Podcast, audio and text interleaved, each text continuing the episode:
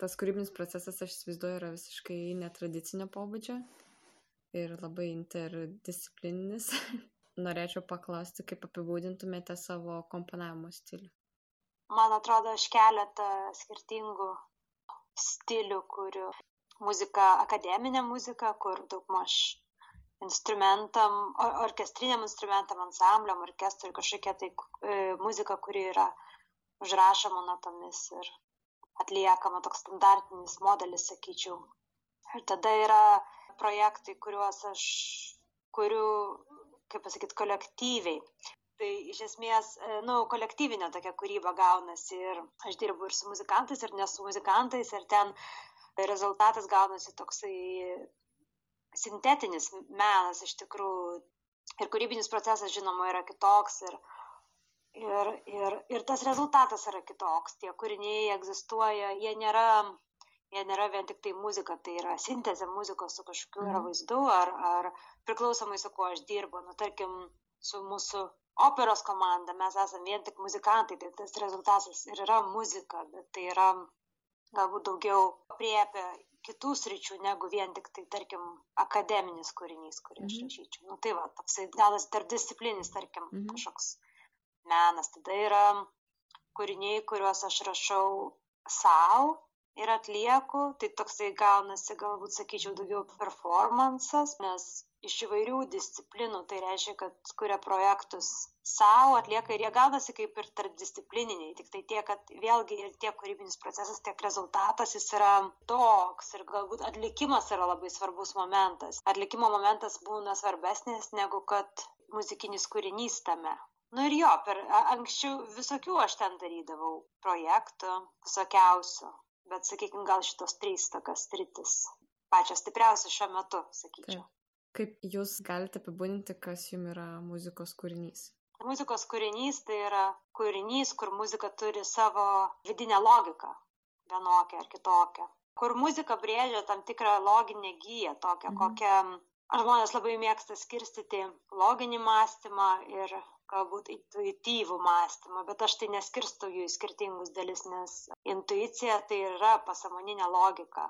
Tai ar tu pasąmoningai supranti tą kūrinį intuityviai sakykim ar tu sąmoningai supranti išsidėlioji pagal kažkokias struktūras tai man tai neturi iš esmės. Tai muzika kuri turi logiką tam tikrą kurią gali atpažinti kiti žmonės klausydami tą kūrinį. Kaip suvokiate kūrybinį procesą man atrodo pats tas žodis ir užkoduoja muzikos kūrimo procesas ir yra muzikos kūrimo procesas, kokios jo yra dalis ar mhm. stotelės, ar kaip jis visas vyksta, tai tų variantų yra milijardai.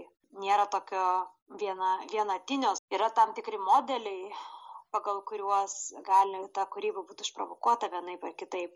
Tas procesas gali būti išprovokuotas. Man bent jau atrodytų objektyvus, kurie tinka kuriejui, kuris kuria ar vienaip ar kitaip bet tie modeliai, jie nėra kūrybiniai procesai, tai tiesiog jau neapibūdinimas, o būdas kurti, vienas iš būdų. Ir kokiais bendrais brožais taip galėtumėte apibūdinti savo kūrybinį procesą? Labai skirtingai, labai priklauso nuo kokia situacija yra. Nėra taip, kad tai yra vienas procesas, kuriuo aš visą laiką einu. Galbūt kažkokie yra susigulėję ar išsivystę procesai, bet man gana įdomu eksperimentuoti su kūrybiniu procesu, tai reiškia, kad aš galbūt specialiai kas kart bandau kurti kitaip ir eiti kitokiu keliu, nes tai šaukia kitokį rezultatą. Galbūt vienas iš, čia irgi priklauso, kaip pasakyti, čia priklauso galbūt nuo to, ką aš kuriu ir kokiu periodu, tarkim, va šiandienai, tai yra, nu, tam tikri, tarkim, modeliai yra nusistovėję man, kad Taip. Aš galiu jais naudotis, tas, tas mano kūrybinis procesas įvairiai kito ir vystėsi.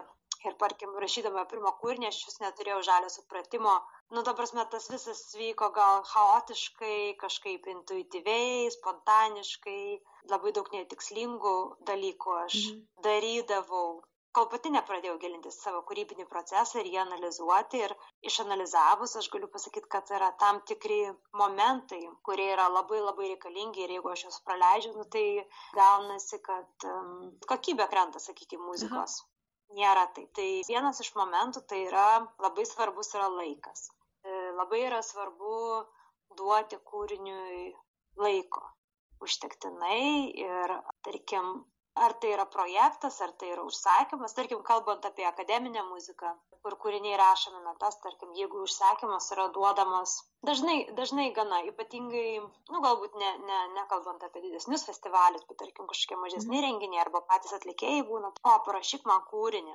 Nu, tai va, kažkur už mėnesio gali atsiųs natas ir atrodo liktis tas mėno gal ir yra ilgai, bet tai nėra, nu, nes visų pirma, tas mėno būna jau visas suplanuotas ir ten to mhm. laiko tikrai nėra. Tai reiškia, kad prie kūrinio galėsi pasėdėti gal dvi dienas iš tikrųjų maksimum, jeigu ir tai tiek yra to laiko. O kitas dalykas, kad iš tikrųjų man tai labai pasiteisina tas, kad, tarkim, gaunat užsakymą turėti tą laiką apmąstymui to kūrinio ir tarkim aš pradedu žinodama kad turėsiu rašyt kūrinį aš tarkim pasiskiriu sau vieną dieną tokiai kaip ir pradžiai pradėt mhm. rašyti aišku nieko aš mhm. ten per daug nerašau galbūt tai daugiau yra galvojimas kaip kas bus mhm. viskas kažkoks tai gal kažkokių minčių užrašymas kažkokių momentų bet iš esmės labai labai gerokai prieš tą jau kūrinio deadline, kaip sakant, gerokai prieš. Paskui aš kurį laiką palieku tą kūrinį padedu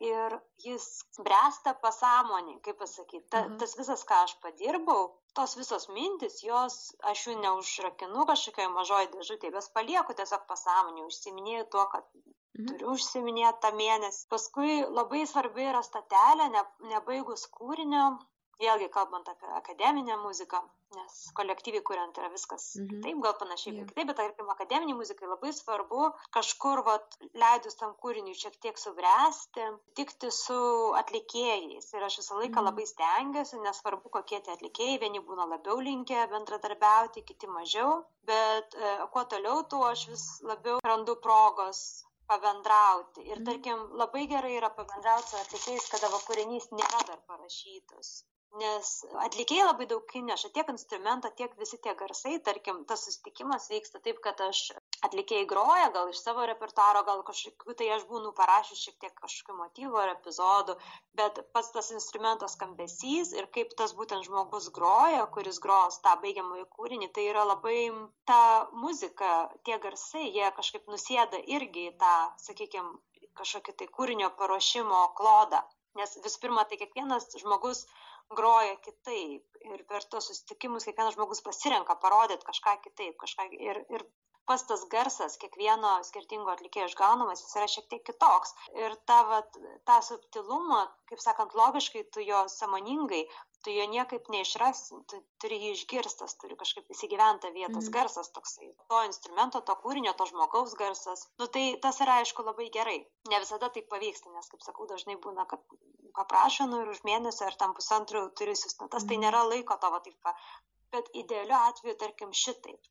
Jo. Tada vėl palikt, dar mėnesį palikt tą kūrinį, jis auga kaip koksai, kaip tešla kyla, nežinau kaip pasakyti, užmenkyta, kažkoks tai kaip, kaip augalas, mhm. bręsta, kaip siekla, bręsta tas kūrinys. Ir jis pats savaime bręsta, iš tikrųjų nereikia man ten, nereikia man ten, kaip sakant, kankinti savęs, laužti, E, smaugti ar kažkaip tai, nes jis pats, pats savaime ir aš, ir, ir aš, tarkim, kažkurio metu labai svarbu man pasiskirti, tarkim, idealiu atveju tai dvi savaitės, priklauso, aišku, nuo, nuo ilgumo to kūrinio, bet, tarkim, trumpesniam kūriniui savaitę, o ilgesniam dvi, gal tris, mhm, jeigu mhm. ilgas kūrinys.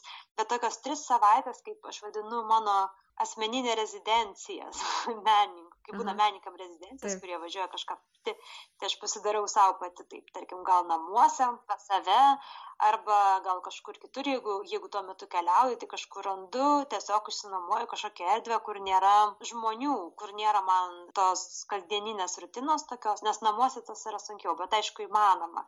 Mm. Bet tarkim, toksai, kur aš galiu tikrai įsigilinti, Nu ir tas tada prasideda toksai darbas, kuris pusiau samoningas, pusiau pasamoningas, idėja tokia generacija, tarkim, visą laiką pirmas kelias arba pirmą dieną aš e, paskiriu tiesiog tokiam išrašymui viso to, kas susigulėjo, tos visos sieklos, kurios mhm. išbrendo, tešlos, kurios iškyla iš, išrašymui tiesiog galbūt, aš dažnai būnu jau numačius ir formą, ir struktūrą, bet taip galbūt nėra svarbu, tie tokie vat, muzikiniai momentai, tai vienas, tai kitas.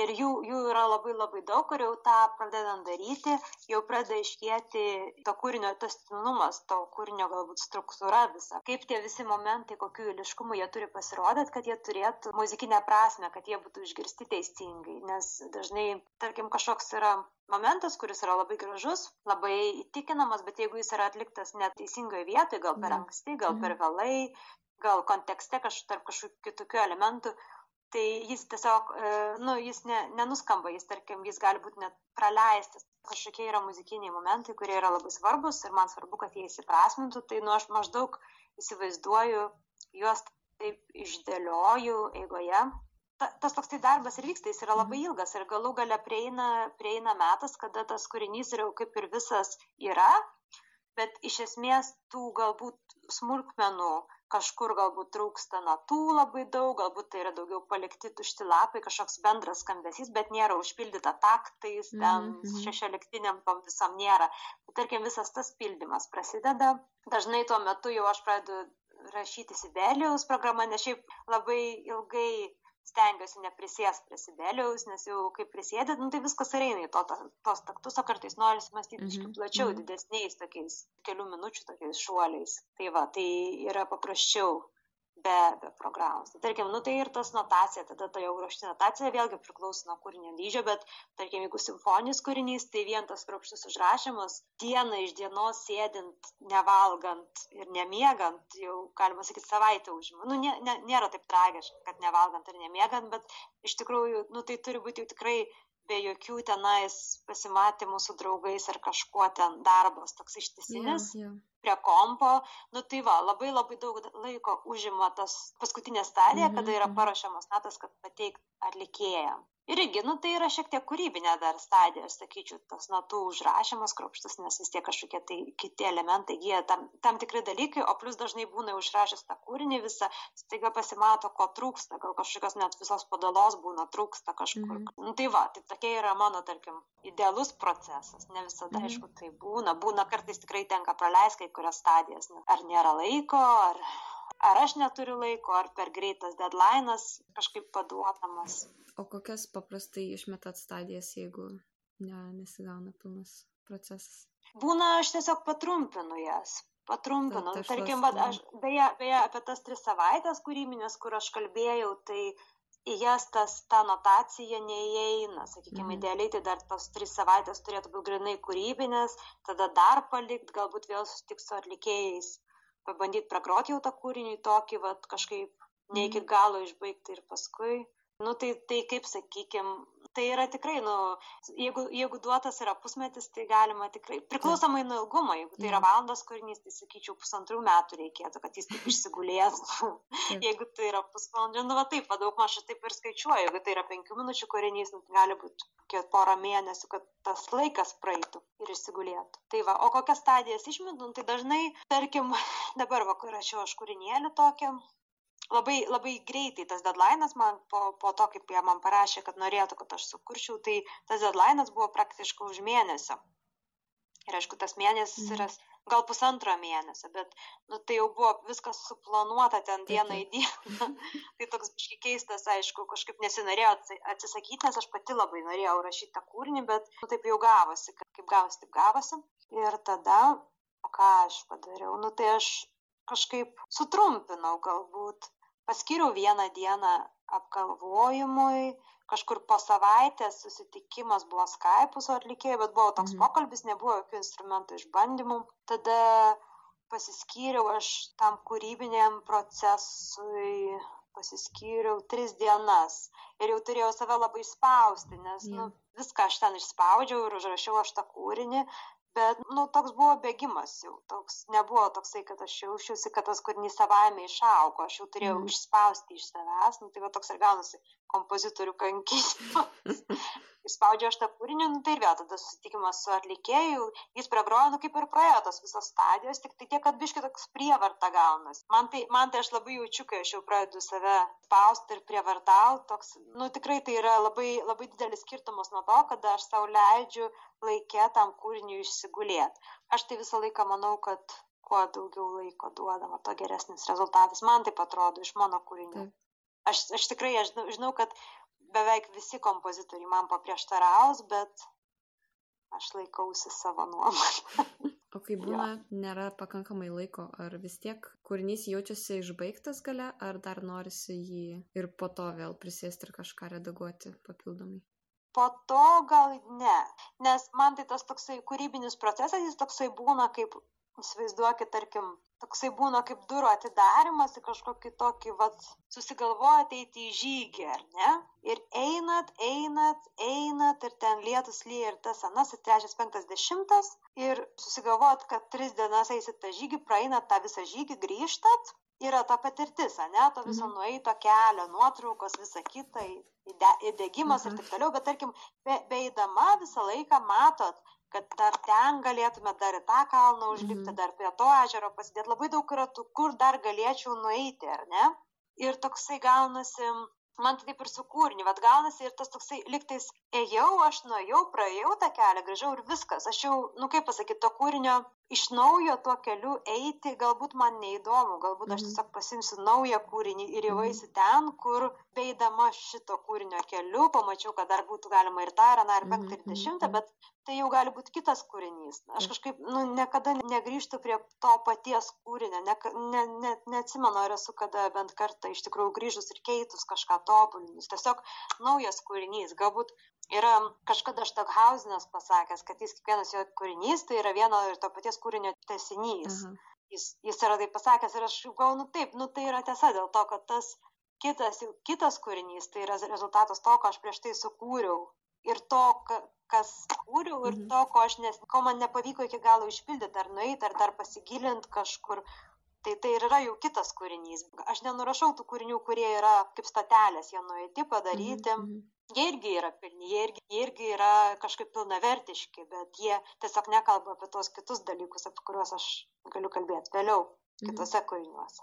Ir tas procesas yra laikė toksai linearus, ar yra, kad vienas veiksmas seka po kito, ar vyksta kažkoks sugrįžimas, cikliškumas labiau? Nu, tai yra tam tikros stadijos, jos, mhm. tos stadijos, jos nėra, tas yra pradžia kūrybinė, kada visiškai nieko neaišku, tam tikra stadija, ji- joje kažkas tai vyksta.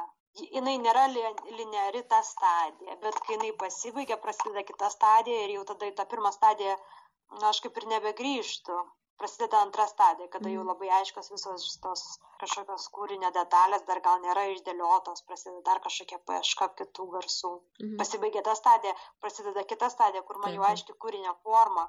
Jau kai aiški kūrinio forma, aš nebeisiu atgal į pirmą ar antrą stadiją, kada aš nežinau tos kūrinio formos, nes aš jau ją kaip ir žinau. Nu tai toksai nėra grįžimo, yra visą laiką įjimas į priekį, tik tai gal jo tose stadijose, tai jos yra gana chaotiškos, nėra ten kažkokio tokio dėliotos linijos, kaip jos Mhm. praeina, jos kažkaip eina ir praeina, bilia kaip. Bet jeigu struktūruotumėt savo procesą tomis stadijomis, tai kiek jūs jų galėtumėte išskirti? Nu gal kokios, kiek jų ten yra, galbūt penkios, nežinau, galbūt ta, ta tokia erdvė prieš pradedant rašyti kūrinį, kada bet kas gali nutikti. Mhm. Tada yra ta stadija, kada yra tokių rinkimas tų idėjų visų, kažkoks tai abstraktus idėjų gaudimas, rinkimas, generavimas, tada yra kita stadija, kur tos visos idėjos yra užrašomos ar kažkaip kitaip, jos jau įgauna kažkokį išseksinį pavydalą, tada yra ta ketvirtoji stadija, kada jau yra kūrinio forma paaiškėja, kaip jos tikrai išsigulės. Ir penktoji tai yra jau toks visiškas detalizavimas. Penktosios stadijos pabaigoje jau yra tas visa notacija susibėlė. Bet čia yra kalbant apie tą akademinį kūrinį, nes aš kaip sakiau, kuriant kažkokius tarpdisciplininius, tarkim, kalbant apie tą cik- cikliškumą ar grįžimą, kuriant kolektyviai, tai tas grįžimas yra ištisinis praktiškai. Visą laiką reikia grįžti prie pradžios, nes kai yra keletas žmonių, tarkim, mūsų erdvinės operos komanda, mes kūrėme savo operą šešis metus, tai Mhm. įsivaizduokit, mes tarkim susitinkam dviem Jo. savaitėm ir mes pradedam nuo kažko, mes prigeneruojam muziką, kažko, kažkokius įrašus, kažką, kažkokias idėjas, viskas tas yra sugula. Mhm. Ir tarkim, tas sugula ir aš turiu savo tą muzikinį tokį procesą, o mano kolegos jie turi kitokius procesus, jie, jie kitaip kuria muziką, kitaip ją generuoja, kitaip, viskas yra kitaip. Ir tarkim, kitą kartą mes sugrįžtam, kiekvieną kartą sugrįždami mes turim sugrįžti prie visos tos medžiagos, kurią mes turim. Mhm. Tarkim, ta stadija, kada viskas sukrenta į kažkokį tai ištisinę formą ar, ar kažkokį tai pavydalą, kur jau pradeda detalizuotis detalės, ta stadija ateina labai labai vėlai, dėl to, kad mes visi mastam skirtingi ir tarkim ta muzikinė logika, ta intuityvi logika, apie kurią aš mhm. kalbėjau, jinai šiek tiek skiriasi komandoje, šiek tiek kitaip, tarkim, mes dirbdami per dvi savaites mes lygtais ta per tą kūrimą kartu ta mūsų vidinė logika jinai susidėlioja vienodai ir mes matom tą kūrinį sakykim mes galbūt jį matom ir suprantam kažkaip vienodai panašiai. Mhm bet išsiskyrus ir pragyvenus po pusę metų savo gyvenimus ten neaišku kas kam nutinka per tą pusę metų mes sugrįžtam visi pasikeitę. Ir ta vidinė logika yra šiek tiek kitokia jinai turi kitokių atspalvių ir mum reikia nu tikrai iš, tikrųjų išardyt tą visą kūrinį kas buvo prieš tai vėl detalėm gabaliukais kažkokia grįžt prie pirmųjų minčių ir iš naujo dėliot tai dėl to galbūt tiek laiko iš tikrųjų užima kad tas rezultatas gautųsi toks turiningas dėl to kad visą laiką reikia grįžti išardyti ir vėl iš naujo ir vėl iš naujo ir vėl iš naujo kol galų gale atsistoja tas kūrinys kaip namas toksai kur jau ne nesugrius taip mhm. paprastai ne nesusiardys kolektyvinė kūryba kur kas nepatogesnė sakyčiau kur kas tai ir daugiau jėgų bet ir toksai turiningesnis tas procesas kitoks mhm. yra o kai aš kuriu sau pati kūrinius sau pačiai, tai aš kažkaip bandau miksuoti tos tokius procesus, tarkim, miksuoti tokį, aš nu, kažkaip gal specialiai labai bandau pasilikti tą struktūrą to mano klasikinio le proceso, tos penkios stadijos, kaip tas kūrinys gimsta. Bet aš labai, labai svarbus yra atlikimo momentas ir kaip yra galbūt kad tas kūrinys nesusigulėtų vien tik mano galvoje bet gimtų galbūt kažkaip natūraliai iš kažkokios improvizacijos kažkokių bandymų tokių mhm. e, labai kur kas daugiau galbūt tokio spontaniškumo pasilieku sau pasilieku daug erdvės kad galėtų būti būt to spontaniškumo ir scenoje tai tarkim tie kūriniai jie, jie niekada ir nepasiekia to galutinio preciziško išrašymo jie lieka tokie kaip su, aš kai savo rašiau disertaciją, kažkaip aprašinėjau vieną tokį procesą, taip ir aprašiau, kad jie yra tokie atviri, atvirų galų tie tokie kūriniai, mhm. kur liktais ta forma yra ir viskas yra, bet kiekvieną kartą pakinta ir tas galutinis rezultatas jis visą laiką bus šiek tiek kitoks, priklausomai nuo aplinkybių, priklausomai nuo to, kur yra koncertas, priklausomai kaip, kaip aš jaučiuosi galų gale, toksai va. Yeah. Performance art, žodžiu, ne, mm -hmm. pritaikomieji tokie kūriniai irgi labai įdomu šiaip kitaip yra. Kaip žinote ar pajutėte, kad pasibaigė vienas etapas ir reikia pradėti kitą? Nu jo, kažkiek aš nusprendžiu pati. Nusprendžiu, kiek laiko dirbsiu ties vienu ar kitu mhm. stadijai. Nusprendžiu mhm. dėl to, kad man, nu, reikia, kaip pasakyti, reikia man nusidėlioti laikė, kad žinočiau, kad aš tą kūrinį pabaigsiu mhm. laiku. Vadinasi, aš turiu išsidėlioti, kad aš praeičiau tas visas stadijas iki deadline kūrinio, kad neužsitęstų man mhm. per daug. Plus, plus yra, aišku, kiti momentai, kad aš dar kažkokių darbų turiu vienu ar kitur ir kad aš turiu pasilikti pakankamai laiko. Nu, tai aš kažkiek susidėlioju, bet būna aš kažkokių noriu prigeneruoti minčių ir palikti tą kūrinį dar atvirą ir susitikti su atlikėju. Nu, vad buvo prieš tai rašiau vieną tokį kūrinėlį gitarom. Pasilikau tris dienas tai tokiai generacijai ir per pusdienį pri, prisigalvojau aš tiek, kad nu, man tiesiog nebebuvo, aš tiesiog nebežinojau, ką man daryti toliau. Nu kažkaip greitai labai, mhm. greitai labai, nes aš plus turėjau gal gitarą savo namuose, nežinau, galbūt, galbūt buvo toks pasamoningas, kad to, to laiko vėlgi labai mažai buvo palikta tam kūriniui ir pasamoningas toksai, kad aš turiu greičiau tą viską padaryti. Nu ir kažkaip greičiau praėjo, nu tai va, tai buvo visai, visai gerai būna, kai greičiau praeina stadija. Būna šiaip iš tikrųjų būna ypatingai su, didelis, su didesniais kūriniais, tai tos stadijos jos eina lėčiau. Aš kai rašiau savo tą kūrinį, kuris beje laimėjo Kristalis, toksai orkestrui ir perkusijai solo, kur laimėjo geriausių kūrinių apdovanojimą.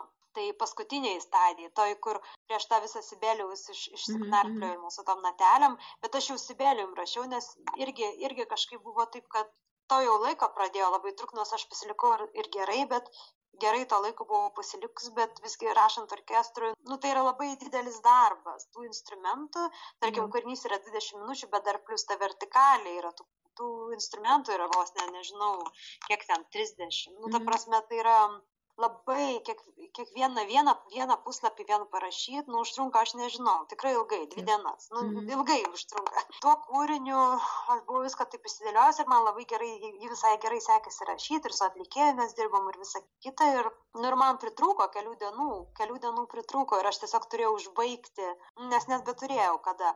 Mhm. Turėjau, aš jau turėjau paskutinę repeticiją su savo atlikėju ir paskui jau viskas buvo taip suplanuota, aš kažkokiu dar darbų turėjau per vasarą ir tada buvau pasilikus savaitę ar pusantros savaitės dar visas partijas padaryti, visą kitą, tai irgi darbo, nežinia kiek ten Mhm, daug. mhm. Nors ir su Bėlium, su Bėlium surinktas natas, bet vis tiek to darbo yra, nu tikrai dar pusantros, dviem savaitėm, jeigu taip jau patogiai išsidėliot. Tai va, tai ir aš turėjau tiesiog sustot. Nu, tikrai buvo labai nepat... toks jausmas, tai ką aš žinau, nu, labai nepatogus, bet tiesiog, nu, nėra to laiko, viskas baigėsi tos dienos. Sustojau ir kažkaip, ir kažkaip visai gerai tas kūrinys nuskambėjo, man iš tikrųjų labai patiko. Bet buvo labai gaila, kad tas laikas baigėsi, būtų galėjęs būti dar geriau iš tikrųjų. Dar, dar ten trūko, nu, man labai aišku, kad ten dar trūksta tam kūrinį. Nu, bet, kaip sakant, kitam kūriniui lieka, dabar aš prie to kūrinio jau nebegrįšiu. Pradžioje minėjot, jog vis uh, ieškot naujų tų kūrybinio proceso, nežinau, būdų ar kelių, kaip uh, sukurti tą kūrinį, tai norėjau paklausti, kaip keitėsi visas tas procesas, iki kol jis taip nusistovėjo. Mhm. Tai iš esmės aš kai pradėjau studijuoti kompoziciją, netgi kai galbūt, aš nepamenu, man atrodo, tai buvo muzikos vos ne analizės pirmoji užduotis sukurt kūrinį, čiurlionkį, aš kai Mhm. mokiausi. Ir man kažkaip tas kūrinys, jis taip, aš atsimenu, tikrai atsimenu labai gerai, kaip man, aš jau buvau prieš tai kažką ten pakūrus, bet taip daugiau galbūt nebuvo tokio kūrybinio impulso, bet tada kažkaip buvo toksai pirmas naktį aš sirgau, labai temperatūra buvo pakilus ir man toks kaip impulsas buvo, staiga aš taip pasiėmiau ir užrašiau tą visą kūrinį, toksai atrodė, kad net per tą karštį, per tą temperatūrą kažkoks Mhm. toksai pasamoningas virsmas buvo visiškai. Man taip patiko tas procesas, kurio aš visiškai nesupratau, kad man ten atsitiko, kaip taip galėjo Aha. įvykti tas kūrinys, tiesiog pasiėmė ir išsirašė visas.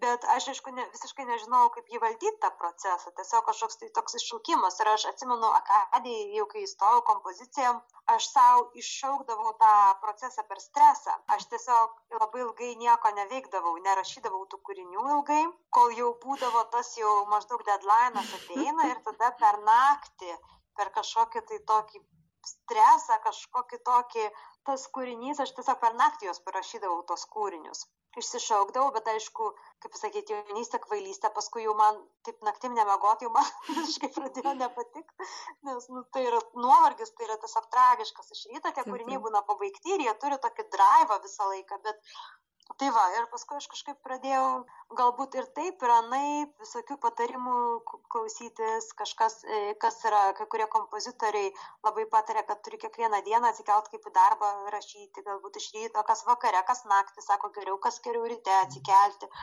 Aš ir taip ir anai bandžiau ir kažkaip išmokau labai tokį, išmokau susikaupti ir galbūt būtent tą iššaukti tokį, kaip sakyt, kai žmonės sako, įkvėpimo laukia, tai iš, išsišaukti labai išmokau tą įkvėpimą. Ir kadangi laiko turėdavau nedaug, labai išmokau taip ir kas valandą, ir kas dvi Mhm. Tarkim, turiu ten valandėlės pertrauką ir aš ten, net atsimenu, iš manęs juokdavosi mano kolegos, kad aš vos neįdavau ten į kabaką kokią atsisėdu, savo muziką groju, o aš savo rašau kūrinį, kažkaip išmokdavau labai išsijungti ir rašyti va kūrinį, va šitaip. Va.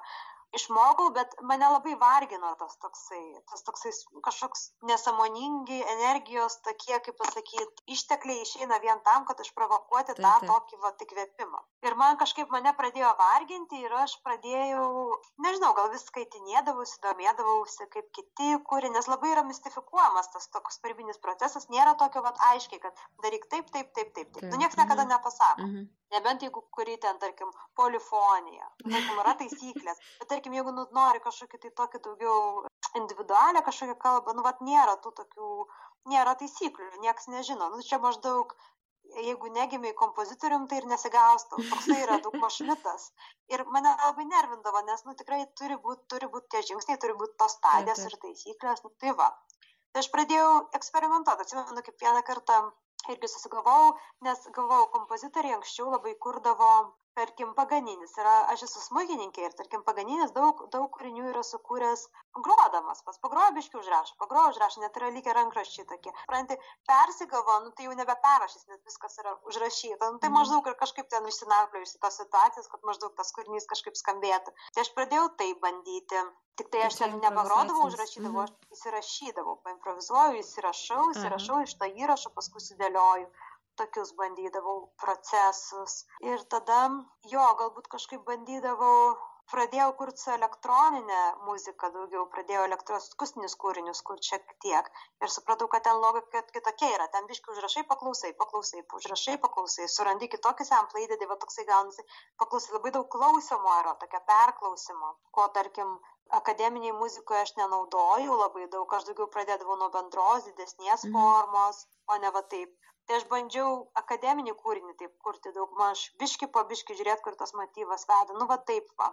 Ir kažkaip per tuos tokius bandymus kas buvo patogu kas nepatogu labai man daug labai tų pasąmoninių procesų aš išvilkau kaip pasakyti dienos šviesą pamačiau kaip jie vyksta manyje mhm. ir tarkim labai man paaiškėjo kad geriau kuo vėliau su tuo sibelium pradėt rašyti kažkaip man tas labai paaiškėjo mhm. nes pamačiau pamačiau kaip veikia ta programa nu jinai tiesiog kaip į taktus įdeda nes ten labai nepatogu be taktų rašyt toj programoj įdeda į taktus ir toksai patogu be to copy paste daryt labai patogu tai vat gali prikopi peisint, gali pusę valandos per, žinai, per pusdienį.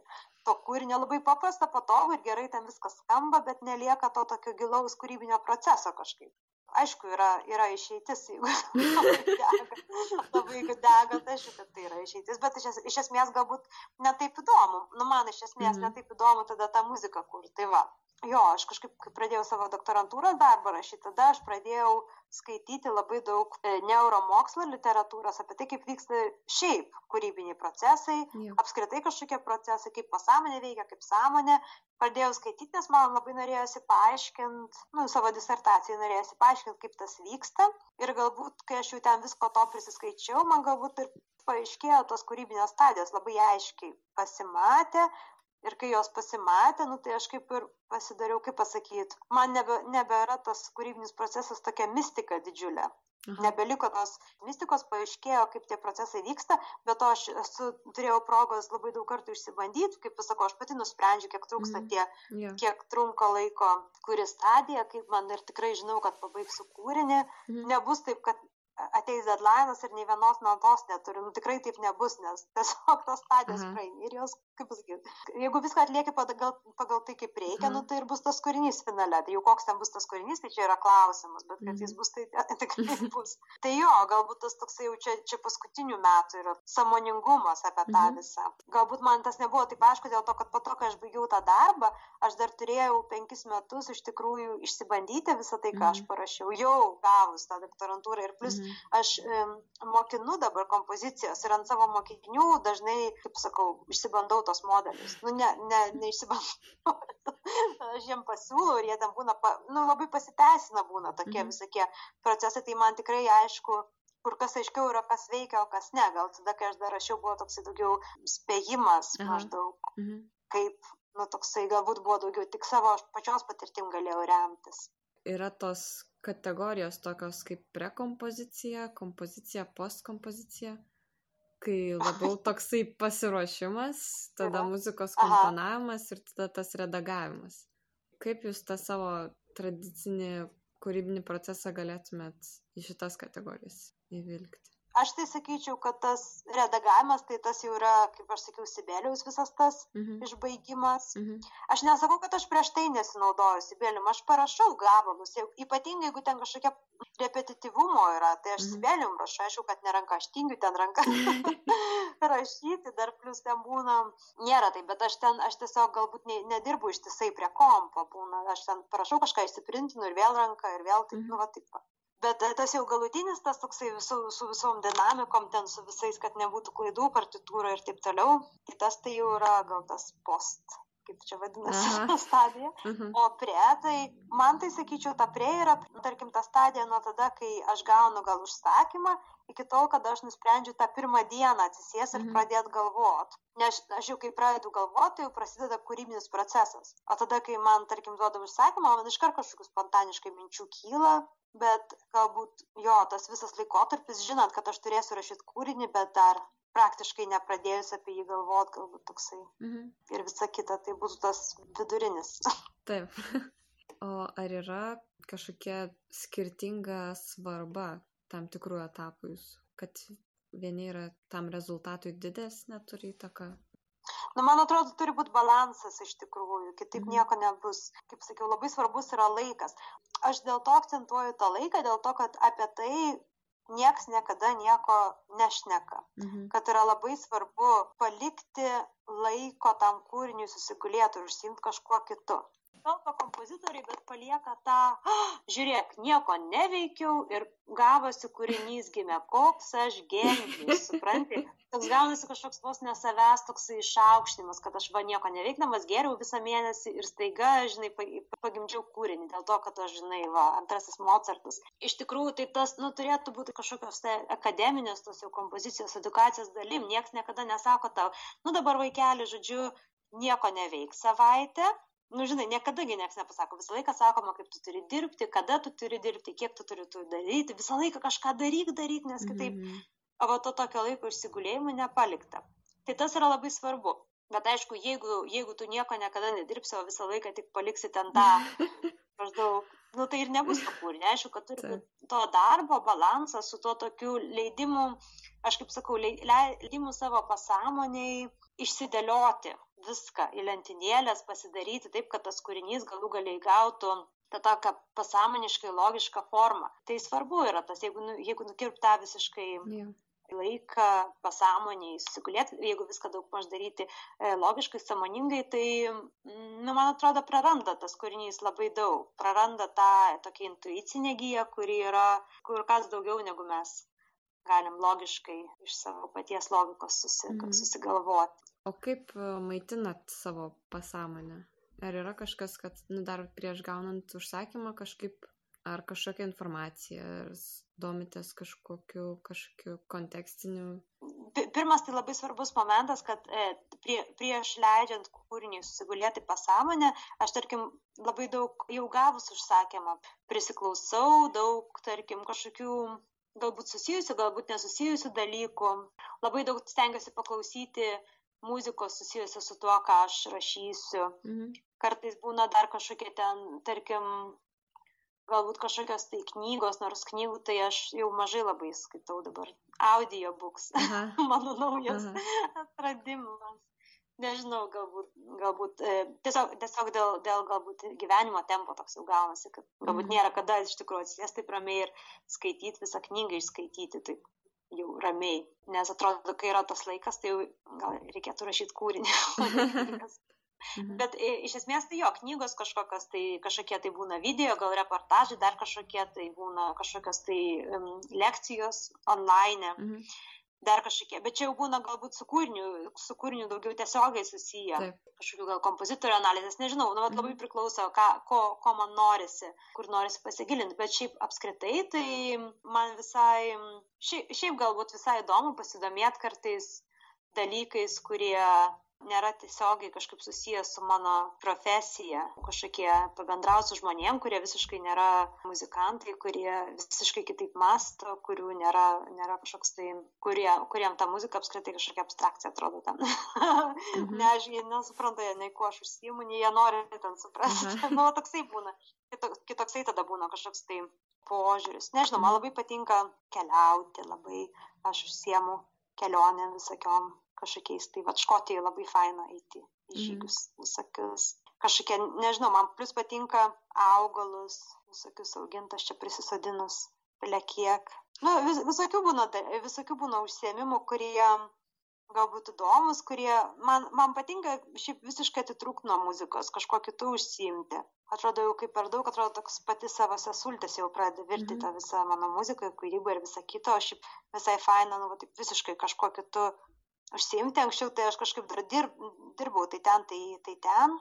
Tarkim, dirbau, bet paskutiniu metu dirbau muzikos, mokinau vaikus muzikos tai šiaip faina buvo ir, irgi buvo ir faina ir kažkaip tai tas labai daug įtakos, aišku, davė, nes tai yra edukacija, tai visai yra kitokie, ta muzika visai kitokie yra ten mokymo procesai, bet per tai labai daug, aišku, galima suprasti, kaip ta muzika veikia. Nežinau, kaip atsakyti, sakyčiau, jeigu turėčiau kažkokių tokių konkrečių hobių, kažkada turėjau, bet dabar galbūt mhm. pasikeitė viskas. Ir ar yra kažkokia kultūrinė idėja, kuri reiškiasi jūsų kūryboje? Nu, galbūt kažkokią norite padaryti įtaką klausytojam? Įtaką tai aišku noriu, visą laiką noriu. Sakyčiau, norisi, kad klausytojai tokia turėtų tam tikrą vidinę perėjimą, kažkokį transformaciją tokią vidinę, kad išeitų iš koncerto truputėlį kitokie, mhm. kaip pasakyti. Muzika yra labai stipri priemonė iš tikrųjų. Tai yra kaip aš tai aš tai visą laiką matau kad aš taip įsivaizduoju kad žmonės gyvenimą priklausomai aišku nuo žmogaus mūsų visuomenėje ypatingai visuomenėje kuri linksta link tokio kapitalizmo lietuvoje o anglijoje tai visiškai kapitalizmas čia juodas yra labai visuomenė yra į nuo vaikystės nuo mokyklos laikų įvaroma į tos to, tam tikrus mąstymo tokius nu į tokius modelius jo takus mm. tam tikrus mm. ir tie takai jie yra vis gilinami gilinami gilinami ir tie žmonės vis kažkaip gaunasi toksai tu kaip ir savo tame labai va, eini tą kelią ir tu visą laiką juo eini, tas kelias toksai takas vis eitas, eitas, šimtą kartų mhm. eitas, toks įmintas ir labai patogus. Ir tie mąstymai, jie tokie, kaip pasidaro tokie, kaip tokie tuneliniai, masto žmonės, labai toksai, labai sunku pamatyti kažkaip kitaip pasaulį, pamatyti kitaip gyvenimą, pamatyti žmonės aplink save esančius kažkaip kitaip. Tu jau tokį įsirėžęs esi vieną tą modelį ir, ir ypatingai būna tie žmonės, kurie dirba nuo 9 iki 5, kurie turi tam tikrą rutiną, tai labai tas įgilina įsigilina. Muzikantai dar būna kitaip, nes dažnai būna ir rutinos tas nėra, ir tas ir mhm. anas, ir kitoks būna mąstymas, bet e, žmonės, kurie nėra muzikantai, jie tikrai turi tokį, vat, įėjusią tą ir dažnai, jeigu tu tame esi labai ilgai, tu gali galbūt tapti kažkokios ryties profesionalu, labai gali daug pasiekti kažkur, mhm. bet iš esmės gyvenimas tampa labai toksai viena, vienalypis, gaunasi kažkokia tokia ne, ne, neaišku, kam viso to reikia, toksai gaunasi ta kažkokia beprasmybė tokia, toje rutinoje, ištisinėme tokiame Ir tarkim, o muzika, muzika būtent tas ir yra, kad tai yra labai pasamoninis menas, muzika labai veikia pasąmonė ir jinai truputėlį kitas mąstymas, jis truputėlį kitaip pasikeičia, tarkim, paklausant vieną ar kitą kūrinį, kažkur muzika, tarkim, labai paveikia pasąmonę, ta pasąmonė paveikia sąmonę ir tu kažkokį kitaip aprimsi savo samoningą sprendimą, nueisi biškai kitokiu keliu ir gyvenimas bus, bus šiek tiek kitoks. -hmm. Sakim, mažai, ma, ma, mažose kasdienybės dalykėliuose, aš nesakau, kad tai apers gyvenimą aukštim kojom kažką, bet tiesiog, tiesiog vieną dieną atsibusi ir kitaip kažką padarysi ir ta diena bus šiek tiek kitokia ir kitaip pasimatys ir pasaulis, ir žmonės ir visa kita. Ir muzika turi labai stiprią galę, bet kad įvyktų ta transformacija, tai žmonės turi įeiti į tą kūrinį. Nu, tai turi būti, kaip pasakyti, kaip tokia, ta, tas turi, žmogus turi įeiti vos nepasamoningai į tą kūrinį, mhm. turi su, susisinchronizuoti kažkaip, tai tas toksai, tu, kad tu liktais tame pačioje plotmėje esi, kad tu turi įeiti pasamoningai į tą kūrinį. Ir yra įvairios technikos, kad tą padaryti, bet jos nėra, vėlgi jos nėra kažkaip išanalizuotos, ar tai daugiau kažkaip viskas nurašyta į kažkokį tai ezoteriką, nors tai mhm. visiškai nėra ezoterika, tai yra visiškai mokslinis, mokslinis galėtų būti tyrimas, tik tai nieks jo Mm, galbūt normaliai nepadaro, nes kompozitoriam, aišku, įdomiau yra kurti, negu kad ten mhm. e, moksliškai analizuoti. Ir, nu, va toksai, va, tai, tai aš, aš kadangi domiuosi neuromokslo, tai ten jie, e, mokslininkai tyria kitus dalykus. Ne klasikinės muzikos, bet ir klasikinės mhm. muzikos poveikį irgi tyrinėja. Tik gal nėra taip, taip daug parašyta, kaip būtent ją kurti tokią, specifiškai va tokią, kad jinai būtų paveiki. Nu, tai va, tai aš aišku visą laiką bandausi, kad žmonės, tarkim, mano tie kūriniai būna, turi kažkokių, dažnai turi labai daug tonalių, atpažįstamų momentų, kažkokių tokių, kurie galbūt lengvai klausosi, nes noriu, kad žmonės neanalizuotų jos logiškai, tos muzikos tiesiog klausytų.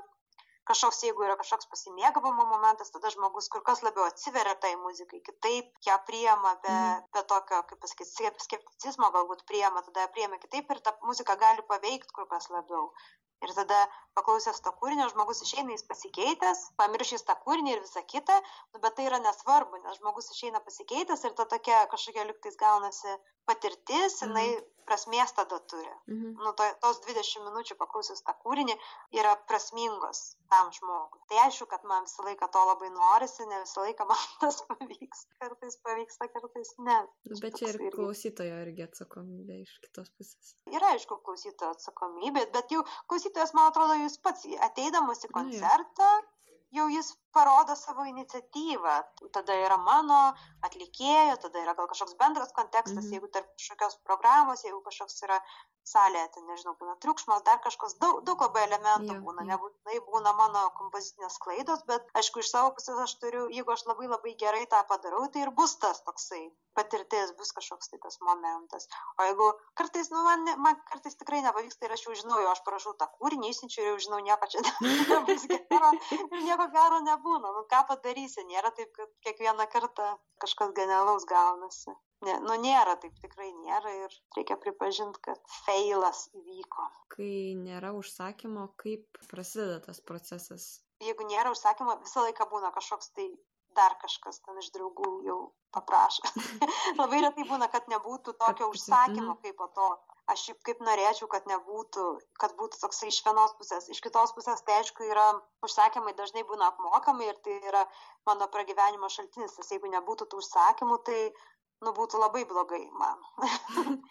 bet kartais norisi tokios erdvės, norisi, kai būtų visas fain, jeigu at metus nebūtų užsakymas, bet aš galėčiau tiesiog savo pačiai kurti tai be jokio tokio va tikslo, be jokio galutinio projekto. Aš, aš šiaip ir bandau kartais rasti laiko tam. Labai lengva, kai nėra užsakymo, tiesiog nieko neveikti iš tikrųjų. Mm -hmm. Užsim kažko kitu. Aš, tarkim, projektų daug darau, administracinių tokių, kur labai lengva įsitraukti tą administracinį tokį darbą. Bet aišku, man norisi, aš pasilieku savo laiko. Ir iš tikrųjų yra pora kūrinių, kuriuos aš rašiau pati savo labai senai dabar jau nerašiau ir tikrai atėjo laikas jau kažką prisėsti ir parašyti. Ir aš turiu iš tikrųjų idėjų, bet nerandu laiko. Aha. Bet aš jau bandau, jau mano visur, jau visose mano kaip tvarkaraščiuose jau yra parašyta, kad jau, jau yra, yra, yra tas, kad būtinai reikia susiras laiko, kuo greičiau šiais metais kažkada pradėti tą kūrinį, kurį aš noriu rašyti, ne kažkam, o tiesiog, kad, nu, toksai, va, būna mano pačios dalykas. Bet e, esu kažkada senai parašęs kūrinį smuikui solo, nes tiesiog paėmiau ir parašiau, nes labai labai norėjau ir man buvo kažkaip, galvojau, nu kažkada gal ten surasiu, kas atliks, bet kažkaip buvo nesvarbu ir čia buvo pirmais metais man studijuojant ir buvo labai geras kūrinys, tikrai pirmas kūrinys, kurį labai vertino ir visi profesoriai ir taip toliau. Kažkaip tai. Ir paskui dar kitą aš tarp tokį rašiau kūrinį, kur irgi rašiau pati savo vos ne. Yra internete, yra vadinasi daina apie medį ten upę, jūrą, mhm. dar kažką. tai va, aš rašiau tą kūrinį, irgi nebuvo tokio kaip ir buvo, kaip ir rašiau gal konkursui, Augustino buvo toks korinių kūrinių mhm. konkursas jaunos muzikos, bet kaip rašiau tam konkursui, bet ne visai, tas konkursas liktis jau aš jau atsisakė tą kūrinį grot gana, jie nenorėjo atlikti, nes sakė, ne, neįmanoma bus atlikti jį. Mhm. Tai va, ir kažkaip, bet aš labai, ir mano dėstytas irgi labai ne, nepatiko jam tas kūrinys, žodžiu, niekam nepatiko, bet aš labai norėjau ir parašiau aš tą kūrinį. Ir paskui po metų ar po kažkiek laiko tik tai jį atliko kolektyvas ir iš tikrųjų vienas geriausių mano kūrinių, nes aš su juo įstojau čia į akademiją, Londone, mhm. į Karališką akademiją ir tokie būna tikrai, nežinau, gaila kad, gaila, kad nėra taip daug, jeigu turėčiau tikrai galimybę kažkaip finansiškai kurti tik tai, kas man pačiai patinka, tai gal ta kūryba dar kitą levelį kažkokį mhm. pasiektų. Bet aišku, kol kas tai taip nėra, gal kažkada bus. Kaip su įkvėpimo savoka? Jis egzistuoja pas jūs? Aš gal manau, kad tas įkvėpimas jis gali būti išprovokuotas, jis neturi būti kažkokia misterija mhm. aplank. Mes kažkada kalbėjom su viena draugė irgi menininkė, kad įkvėpimas pagauna, kai būna labai nuobodu, labai ilgai. Tai va, aš kažkada buvau čia visai nesenai nusprendžiau praleisti savaitę be teliko, o kažkada prieš tai savaitę be, be, nu, be telefono praktiškai. Nes labai toksai įprotis yra, uh -huh. tai Facebookai, tai ten kokį žaidimą pažaisti apsą. Atsirado to laiko daugiau, bet ypatingai kai buvo savaitė tokia be teliko, nes pas mus taip kažkaip vakare grįžta mano draugas ir visą laiką tas būna kažkoks tai, jeigu dar ne per vėlų, tai, nu tai ką veikiam, nu tai kokį filmą pažiūrim, toksai būna. Bet kai labai faina buvo savaitę be teliko, tai tada, nu tai ką, tai ką veikti, o ką veikti, žinai, ką veikti. Vakare.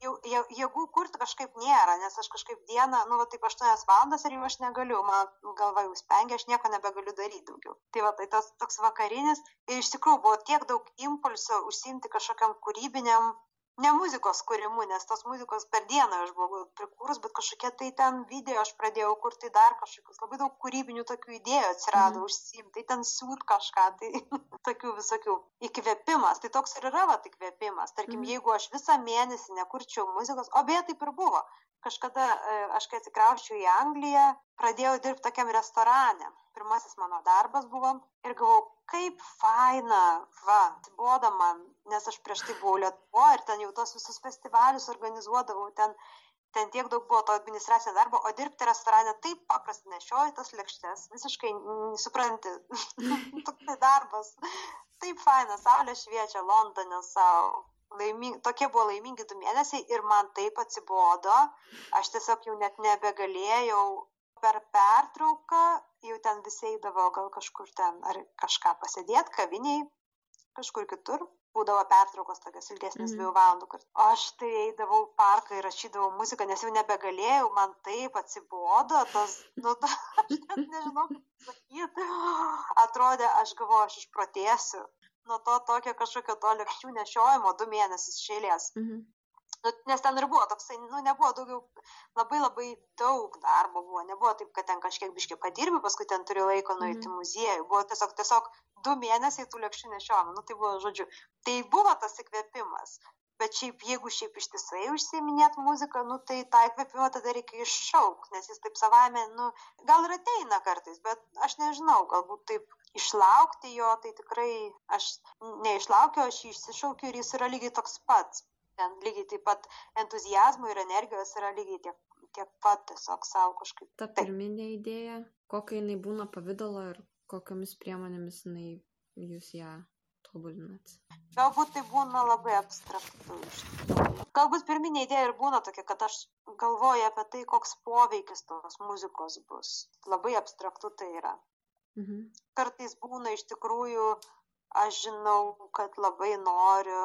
Būna kartais kažkokia melodija būna, bet jinai irgi tokia yra abstrakti, tiesiog žinau, kad bus melodija, tarkim. Aha. Bet kokia jinai ten bus daug maž, galbūt kažkokios tai būna spalvos, galbūt, bet ne, ne visai taip, aš ne taip kaip Mesijanas ten spalvom galvodavo, ten mm -hmm. kiekvieno atspalvių. Galbūt, galbūt yra tos spalvos, bet tai daugiau yra tokios emocinės spalvos. Aš žinau, tarkim, jaučiu, kad bus melodija ir jaučiu, kokia jinai yra kaip nu kaip Koks jinai, jausmas. kokia jinai yra paveiki, kaip jinai suveikia, nuo pradžios iki gal, tarkim, kiek jinai, kokius jinai turi tokius vat, emocinius kažkokius atspalvius. Mm. Kaip grinai natominai yra, tai, nu ne, labai sunku yra jinai, kol, kol atsiranda, arba kažkokie būna, galbūt ritminiai kažkokie dalykai, nes aš dažnai apskritai galbūt tos melodijos ir ritmai, jie yra vos ne vėliau, kur kas vėliau jie atsiranda, viskas prasideda nuo tokios kur kas bendresnės tokios. Ta muzika, nu jinai, aš nežinau, jinai galbūt ne spalvas turi, bet tokį intensyvumą, sakykime, mhm. labiau tokia tamsi, tokia tiršta arba kažkokia labai lengva, tokia skaidri, abstraktus vaizdiniai, sakyčiau, jutiniai gal. Iki tol, kol viską kažkaip išrašot, ar jos įgauna tokį konkretų pavydalą ir išraišką natų, ar Jo, būna, būna šiaip iš tikrųjų pasimeta tas dažnai, e, jau pradedant rašyti natom, tas būna kažkokie momentai, tarkim, būna labai toks stiprus, vizija būna labai tokia stipri, o pats kūrinys jis toksai gal tos stiprybės biški praranda. Būna kartais pavyksta kažkokius momentus, iš tikrųjų čia ir yra tas toks menas, man atrodo, kuriejo, kompozitoriaus menas, kad tu turi tą viziją ir tu ją gali pateikti ir aš dažnai sakau priklauso nuo to ką aš darau ta vizija jinai gali nugult ar kaip klasikinis kūrinys gali kaip kažkoks kolektyvinės kūrybos produktas mhm. įsiliet į kitų mintis gali būt kaip mano performansas gali būt kaip instaliacija tų pavidalių gali būt daug nuo tos pirminės idėjos, nes jinai yra labai labai abstrakti, jinai neturi mm. tokio. Tikrai jinai labai nežinau, ar man yra bent kartą apskritai pavykę. Pasikeičiau, kai pradedi dirbti, jinai pradeda kist, kist, mm kist ir pasikeičia. Visai nesenai mačiau filmą apie Sofijos Gubaidulinos, jinai kaip jinai rašė savo smuiko koncertą. Ir jinai kažkaip irgi labai panašiai pasakė, kad kažkaip jos paklausė, ar jinai išrašė savo tas pirminės idėjas į tą paskutinį kūrinį ir jinai kažkaip, oi, ne, ne, ne, jau žinai, čia jau taip toli nuvažiavo viskas, nu bet taip ir būna taip ir būna aš aš gal dar biškį pasilaikau įsikibus iš tikrųjų ten tų savo vizijų bet galėčiau pasakyt kai kuriais atvejais tikrai būna taip jau oi ne ne jau taip nu tai būna jau ta muzika jinai pati nuvažiuoja ir jau pati veda ir galbūt abstraktūs pirminiai pavidalai jie būna tokie daugiau kaip impulsas tai Mhm, kūrybai mhm. Kas- aišku norisi visą laiką juos pagauti ir Taip. išrašyt bet ne- nesigauna O kas sąlygoja tos pokyčius? Ar tai kažkokie apribojimai? Jo, apribojimai. Jo, tas yra tiesa dėl to, kad tai yra instrumentuoti kažkokia, sakykime, galbūt vizija yra labai kažkoks gilus, tirštas garsas, o instrumentuoti jinai tiesiog nėra kaip net apžaist, kažkaip bandai Mhm. imituoti, dar kažkaip paskui galų galiu supranti, kad geriau neimituoti, geriau paimti nuo instrumentų, ką jie turi, tą žinai vystyti, stipriausią pusę galbūt to garsyno, kurį turi. Laikas būna, tarkim, kūrinio, būna kažkokia tematika, kartai, kartais būna, kad yra tema duota irgi kažkokia, kad atitiktų kažkokį tai ten. Visai faina būna, kad užsakymuose klasikiniai muzikai temų dažniausiai nieks neduoda. Tai čia yra nu, taip faina, kad nepasako, nu tai dabar parašyk kad būtų apie ten arklį kažkokį. Nu, ne, nu, labai retai būna pasako tiesiog kūrinį 10 minučių tiem, tiem instrumentam. Tai tos idėjas gali Mhm. būti bet kokios iš tikrųjų. Bet būna kartais kažkokia, tarkim, sąlygoja, tarkim, viso festivalio formatas, dar kažkas, kad Mhm. tas kūrinys jis turi būti tam tikrame kontekste.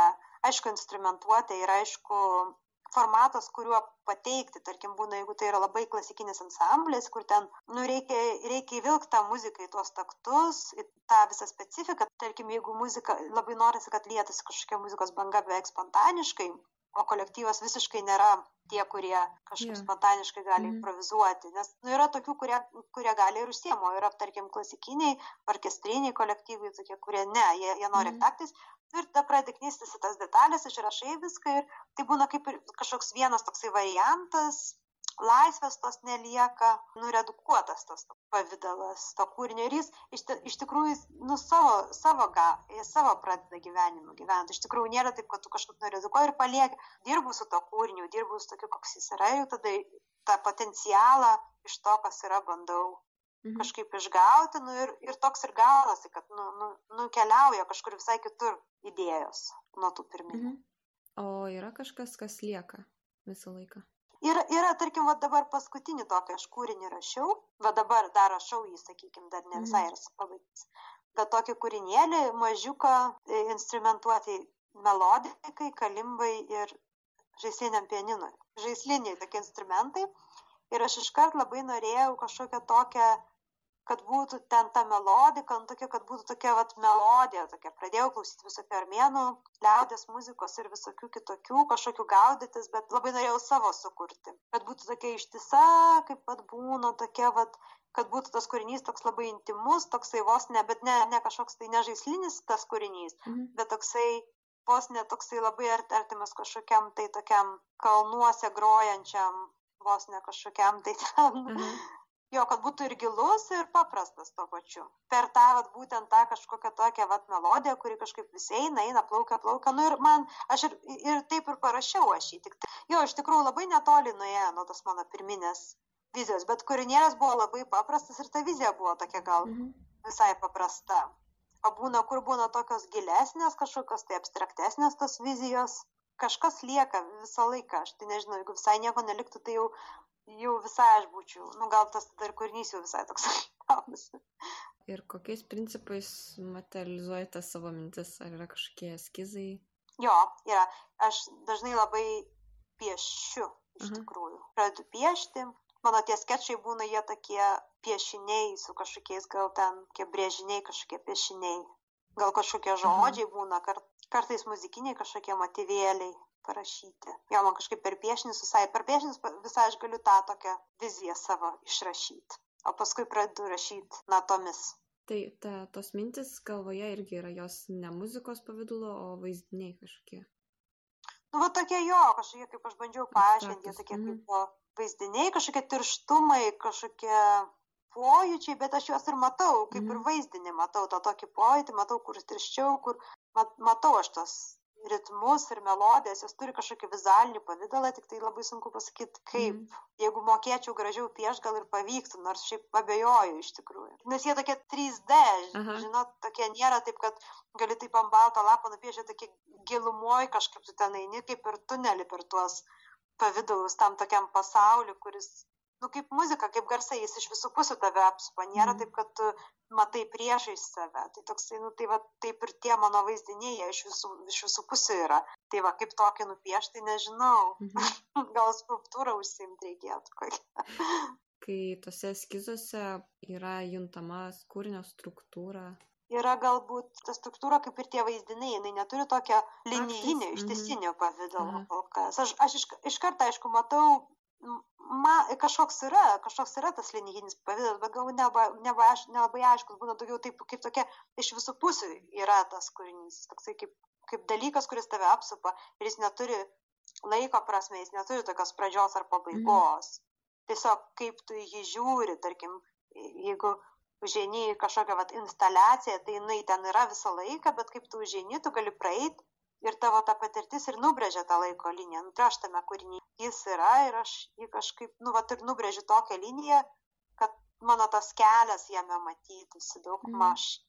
Bet ta, ta forma tokia iš to ir gimsta. Tik tai, aišku, nuo pat pradžių, tai jos nėra, jinai, bet, arba jinai gali būti bet, nu, pasirinkta bet kokia iš tikrųjų. Gal tas irgi toksai eina vėliau, tas toks laik, laikia išdėliojimas.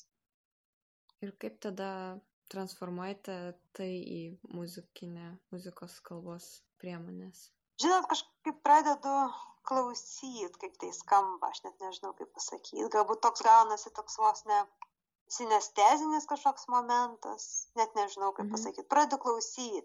Tarkim, jeigu aš matau, kad tai yra kažkoks tai linija, kažkoks tai skaidrumas, šviesa, kažkoks mhm. lengvumas, aš pradedu klausyt ir galvoje pradeda viskas taip transformuotis po biškį. Koks ten garsas, jis po biškis kaip iš tylos toksai ateina, koks jis galėtų būti. Ir tada va tas garsas, tada aš jį bandau pritaikyti instrumentam, nu ir ten ir būna tada va tas kompromisas prieinamas, nes dažnai tas garsas jis netitinka to, ką instrumentai gali kažkuria prasme tai va tai tas ir aišku ir aišku jau pradedu transformuoti instrumentus pasimiršta ir tas garsas mm -hmm. va tai toks ir gaunasi tas momentas toksai pasi va ten ir pasimeta tuo metu tie garsai būtų faina jeigu būtų kažkokie va šiais laikais žmonės išradinėja kaip skaityt mintis aš mhm. aš vis žiūriu seku tą tyrimą nu bet ten nelabai jiems sekasi bet visai jau neblogai dabar jau prijungia ir jau gali vizualiai jau gali tą transformuot maždaug ką tu mhm. įsivaizduoji kažkokias tai aš jau laukiu turbūt nesulauksiu bet kažkada bus tokia kur uždeda sensorių ir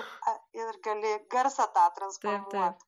Dar už trijų šimtų metų nereikės tada man to sunkaus darbo išrašinėt. Mm. galėsiu tiesiog įsivaizduot muziką ir ir jinai bus.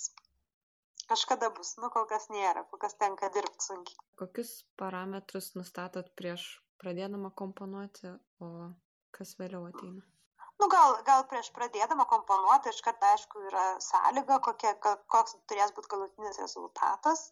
Ta prasme kad ar instrumentai ir laikas festivalis ar tai yra mano pačios performansas ar tai yra kolektyvinė kūryba. Nu tai tas yra aiškus parametras. Tarkim mano pačios laiko skalėj irgi parametras labai aišku kiek laiko aš galiu leisti kokiam dalykui o visa kita tai visa kita palieku aš laisvai tą visą kitą vystymąsi, mm. jis yra nekontroliuojamas. Nebent dar būna, jeigu tema kažkokia, nu, tai būna parametras. Aha.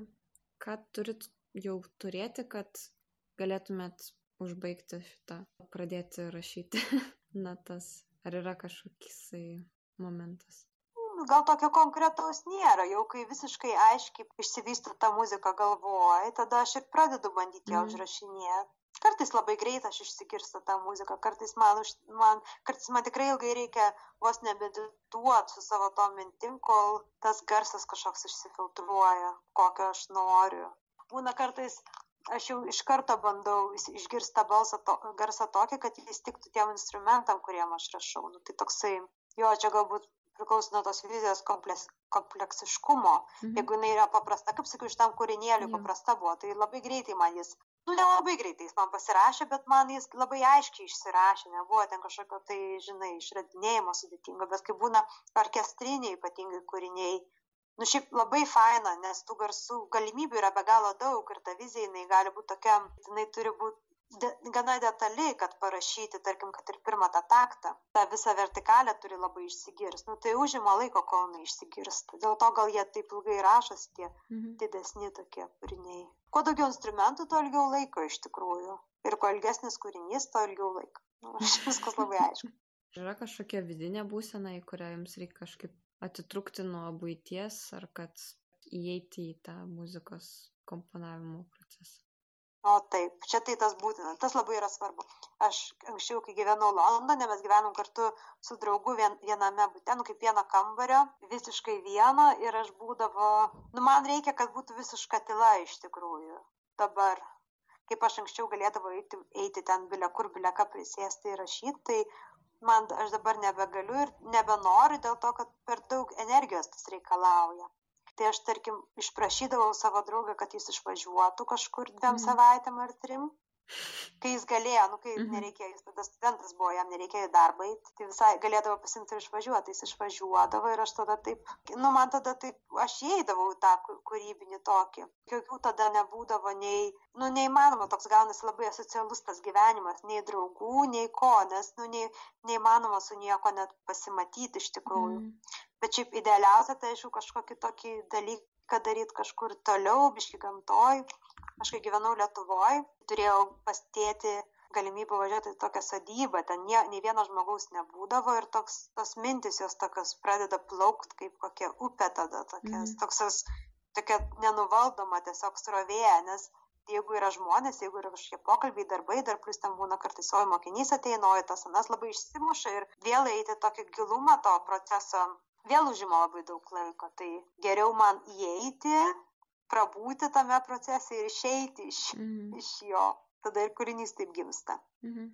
O jeigu pabiški prisėdimai, žinau, kad žmonės kūrė pabiški prisėdimai, bet nu aš nežinau, aš tai taip negaliu. Kaip, kai rašote, vertinate tai, ką darote ir kažkaip, ar vyksta taisymai kažkokie ir... Jo, nu tai aš kažkaip, aš visą laiką savo mokiniam dabar sakau, kad yra labai svarbu, kai kuri, visą laiką, kad būtų toksai, toksai kaita tarp tokio vidinio kritiko ir laisvės. Mhm. Arba e, skaičiau kitame irgi neuromokslo tyrime, jo buvo knygoje, jis rašė, kad labai svarbu tarp, žaisti tarp improvizacijos ir struktūralizacijos. Mhm. Toksai, kad tu leidai savo visiškai bilę ką daryti ir tada išsifiltruoja tas idėjas, mhm. susidėlioja, tada vėl iš tų idėjų leidai bilę ką. Mhm. Nu, va toksai ir gaunasi, toks žingsnis po žingsnį. Mhm. Taip, aš tą darau, tą, tą darau visą laiką, jo toksai gaunasi. Mhm ėjimas viens per kitą. Nuo, nuo pat pradžių, sakyčiau, proceso net. Ir pagal kokius kriterijus renkatės techniką ir struktūrą ir parametrus? Techniką aš pasirinku pačioj pirminiai. Mhm.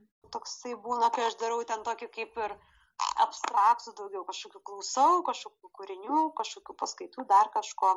Tai aš ten kažkur susigalvoju, kokią techniką naudosiu, bet aš vienos nenaudoju, visą laiką būna kažkoks miksas, tai vieno, tai kito dalyko, galbūt kažkokiai daliai kūrinio kažką naudoju, nėra taip, kad aš pasirinkčiau vieną techniką ir ją rašyčiau, kaip tarkim mokykloje darydavom, būdavo užduotis, tarkim, parašyti ten polifoninį kūrinį ir, nu, būt grinai tokį.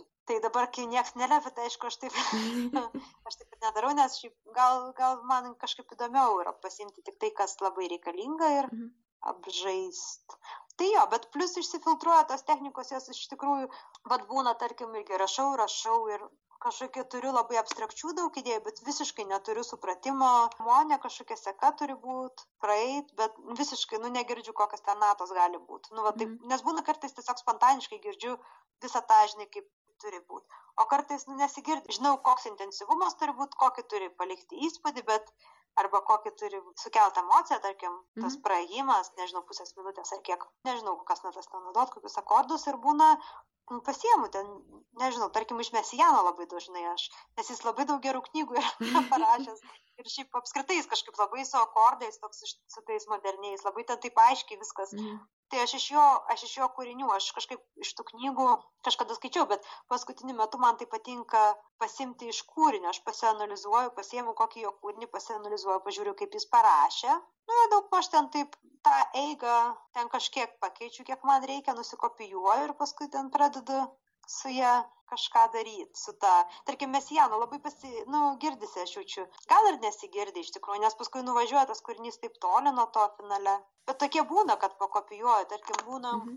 kai labai norisi kažkokio tai tokio ritmo, ar kažkokio tokio, kad kažkokį va tokius Stravinskio aš pasiemu, iš švento pavasario kažką pasiemu ir išsianalizuoju Nors ne, net ne, negaliu pasakyti, ar aš nukopijuoju tiksliai, nu nėra taip, kad tiksliai, aš daugiau išsianalizuoju, kaip yra padaryta ir tada savo kažkokį primetu, mhm. pasiemu lygiai tą pačią formą, tik tai pakeičiu, sakykime, natas ar pakeičiu ritmą, pakeičiu struktūrą, bet ten, tarkim, tai, nu, tai va toksai gaunasi, kopinimas. Ar kokie kiti kompozitoriai? Būna daug kas. Būna kartais kažkokio noris tokios ramybės tarkim kažkokį arvo pertą įsijungiu bet tai ten ten neįmanoma nuo jo nusikopijuot nes ten yra taip specifiška.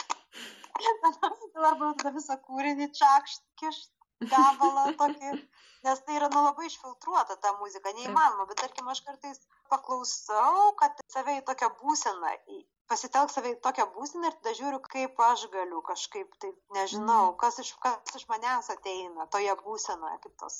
Būna, tarkim, su tuo simfoniniu kūriniu perkusijai, kur dabar, dabar šiais metais aš rašiau, tai aš pasiemiau ir nukopinau, yra konakol indiški tokie ritmai, mhm. ir aš pasiemiau ir nukopinau, ten iš tikrųjų gar, geras gabalas yra nukopintas nuo jų ritmo iš viso, identiškai netgi, galiu pasakyti koks kurioj vietoj.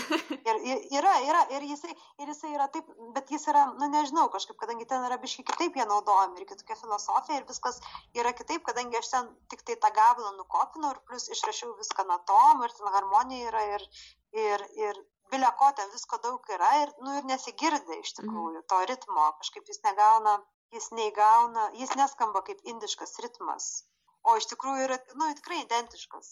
Nu, tai va, nu, tai tokie kažkokie būna vo vogimai, tai iš vieno, tai iš kito muzikinio kažkokio, tai kartais būna, kartais, kartais nebūna, kartais būna viskas iš manęs kažkur Taip. gimsta. Ir kaip žinot, kad jau užbaigtas kūrinys? Aš būna laike išsidėlioju mhm. ir kartais, va, būna, tarkim, nu, tarkim, va, su paskutiniu kūriniu, kurį aš dabar rašiau, bet ir su, dabar, kai galvoju, tai visi mano paskutiniai kūriniai ateina toks laikas, kad aš padarau, parašau tiek, kad galėčiau jau pradėti repetuoti, bet dar jis nėra pabaigtas, aš dar galėčiau toliau kažkur eiti, dar kažką daryti, bet atrodo, nu, va, tam kartui galbūt būtų verta susitikti su atlikėjais ir pragroti ir pažiūrėti, galbūt aiškiau pasidarys, ko trūksta ir tarkim aš parašau tą kūrinį ir taip yra atsitikę ne kartą, kad parašau, atidedu aš jį į šalį, paskui susitinku su atlikėjais ir aš jau nebežinau, ką daugiau daryti, viskas mhm. jau jis yra baigtas. Mhm. Tai toksai kaip aš ir nebuvau nusprendus jį baigti, bet jis kažkaip, dar jei būčiau dirbus, dar būčiau galėjus kažką daryti tada, bet po kiek laiko užsimiršta ir viskas jau nebėra kur ką pridėti, nu toks būna va. Ir, baig, ir baigėsi tas procesas tada kūrybinis ten. O kai dirbat ten jau pabaigoje susibelim, ką dažniausiai tenka redaguoti ar keisti? Nu, būna kartais kažkokios dar būna ne iki galo, tarkim, aš nesusigalvojus ne iki galo natų būna kažkokių tai ten. Kažkokie dar vyksta kūrybiniai procesai, kažkokios tai harmonijos ar kažkokie. Mhm. Galbūt, jeigu būna daugiau instrumentų, būna kartais ne visiems instrumentam aš esu sugalvojus, ką grot. Taip daug maž gal esu, taip įsivaizduoju, bet nėra taip aiškiai natom kad tas groja si, o tas groja le. Nu, nėra. Ta, ta pradeda dėlioti tokį, nu, toks dėliojimas pradeda gautis. Būna kartais, galbūt aš kartais palieku, ai, nu, va čia va, gal galvoju, čia bus toksai, tas pasikartoja, tas čia taip, čia tas pasikartoja. Ir tada toks būna pasikartoja, pasikartoja, o kai, kai sudedu taip, nu, visiškai kažkaip, nu, nei šis, nei tas atrodo tie pasikartojimai, nu, tai tada pradedu dirbti, dar kažką keisti, tada tie pasikartojimai tampa nebe pasikartojimai, jau kažkokia tiesiog nauja medžiaga pradeda gautis iš to. Būna kartais, tarkim, tenka kažkokie sudėtingi tokie ritmai būna galvoj skamba, kažkokie tai, kuriem, kai aš pradedu rašyti, galbūt, nu, taip jau atrodo sudėtingai. Aš labai, aš nesu iš tų, tokia kaip Fernehau, žinai. žinai, kur ten toksai new complexity, nu aš, aš visiškai niekada nesu linkus, nes man atrodo kartais per save atlikėjas turi lipti, tenais pradės skaičiuotis ten tos ritmus, o ten ja. iš esmės gal nėra taip svarbu. Nu tai va, ir pradeda toksai tada vidinis toksai dialogas, kiek yra svarbu ta kompleksija, gal ar galima tiesiog padaryti paprasčiau, kad žmonės galėtų tiesiog normaliai iš lapo suskaityti.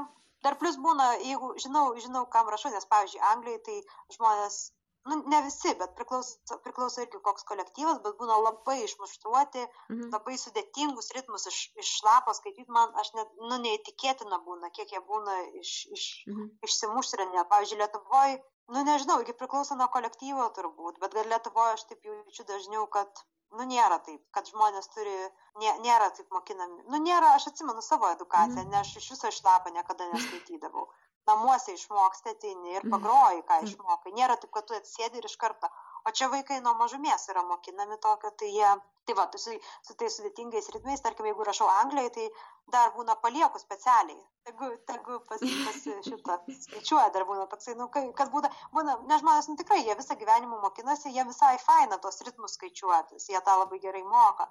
O būna jeigu rašau gal lietuvoj tai būna nuimu kartais nes nu tikrai nėra prasmės yra yra ir taip ką ten grot labai mhm. daug ir dar nesinori kad žmonės gaištų ten nežinia kiek laiko. Formą būna dar aš keičiu dažnai.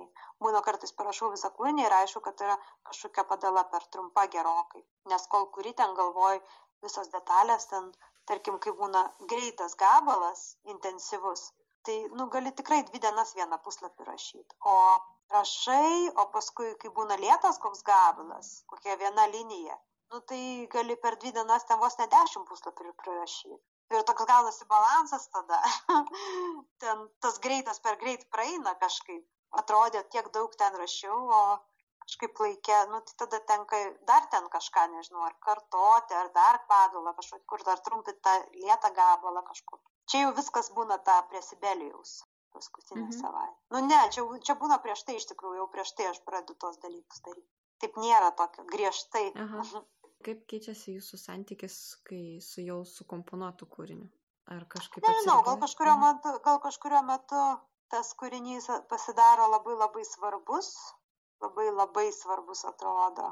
Tada jau neskaičiuoju savo nei laiko, nei energijos, kad tik geriau parašyti. O paskui kažkurio metu tiesiog norisi palikti tą kūrinį. Ir toks gaunasi, toksai išleidai į pasaulį, kaip vaikas savo. Mhm. Tėvai po 18 metų turi išleisti. Tiek, kad čia ne 18 metų, čia kelios savaitės, bet toks gaunasi iš, išleidi. Nu ir toks gaunasi jau tada toksai atsiribojimas gaunasi to, to kūrinio. Aš jau tada galiu eiti koncertą ir klausyti. Mhm galbūt objektyviai, nu vis tiek būna toks nervas, aišku, nes tai yra mano kūrinys ir labai daug asmeniškumo tame. Klausau koncertą ir aš žinau, ar geras kūrinys ar negeras. Man tai būna labai aišku ir, ir būna, nu taip, nu nežinau, kažkaip būna, būna faina, kai žmonės, tarkim, aš žinau, kad nu, nepasisekė, bet vis tiek, kai žmonės prieina, sako, kad patiko, Aha. visai faina būna, bet nebūna taip faina, kai aš žinau, kad tikrai pavyko. O tada kažkas ateina ir dar pradeda kritikuoti, bet tada jau būna nesvarbu. Bet šiaip ne, nu neateina, fainai visai būna, kad gal paskutiniu metu, anksčiau būdavo žmonės labai eidavo kritikuoti vieni kitus, paskutiniu metu kažkaip ne, nenutinka man. Jeigu nepatiko, tai tiesiog nieks nieko nesako. visai, visai faina. Pagerėjo žmonės, pašvelnėjo. Tai va. Viskas.